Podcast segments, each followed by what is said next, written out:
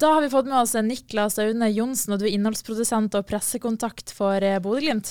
Ja, hei. Hei sann, så hyggelig at du vil eh, prate med oss. Du er her for å prate litt om eh, fotballtrøyefredag. Kan du ikke forklare litt om hva det er for noe? Ja, Fotballtrøyefredag er vel et eh, initiativ fra eh, Barnekreftforeninga, eller i alle fall et initiativ som kommer Barnekreftforeninga til gode, der eh, man oppfordrer alle der ute til å ha på seg fotballtrøye i dag, da, og selvfølgelig da også være med og bidra og, og gi penger til Barnekreftforeninga sånn at man kan eh, ja, stå litt sammen i den kampen eh, mot barnekreft. Eh, også veldig sånn, Ikke det at det å ha på seg fotballdrakt nødvendigvis gjør noe stor forskjell i seg sjøl, men det er jo med på å, å skape litt oppmerksomhet rundt det. da, jeg ser jo både folk her hos oss har på seg fotballdrakt. Jeg var en tur på butikken i lunsjen, og, og det krydder av fotballdrakter inne på, på, butikken der. Og det er jo utrolig kult å se, for da er det litt engasjement rundt dette der ute i samfunnet også.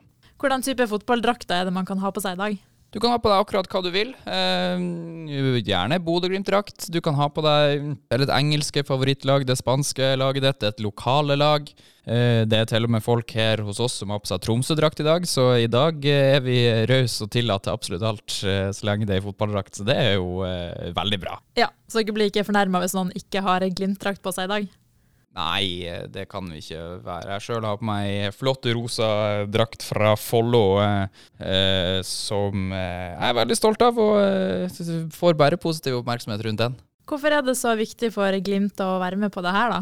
Nei, Dette er jo et, en artig greie da, som man kan eh, være med på. Vi er jo en fotballklubb, og dette er et slags initiativ via fotballen, da, i og med at det er fotballdrakta det det handler om, så at vi er med på det, en selvfølge. Og så er, det, er vi med på å spre et viktig og godt budskap. Vi får litt innhold i våre sosiale medier, bl.a. i og med at vi kan, kan ta bilder av alle disse flotte draktene og dele, og være med på å spre budskapet. Så det er en no-brainer, som det heter, at uh, vi er med på det. Jeg kan jo bare oppfordre folk til å uh, følge med i sosiale medier, uh, være med og bidra mm. og gi penger til Barnekraftforeninga. Du finner jo eh, vips numre og sånt, bl.a. inne på vår nettside eller i sosiale, sosiale medier etter hvert som vi begynner å, dele bilder. Så eh, det er bare å være med, være med på dette, for det er en kul greie.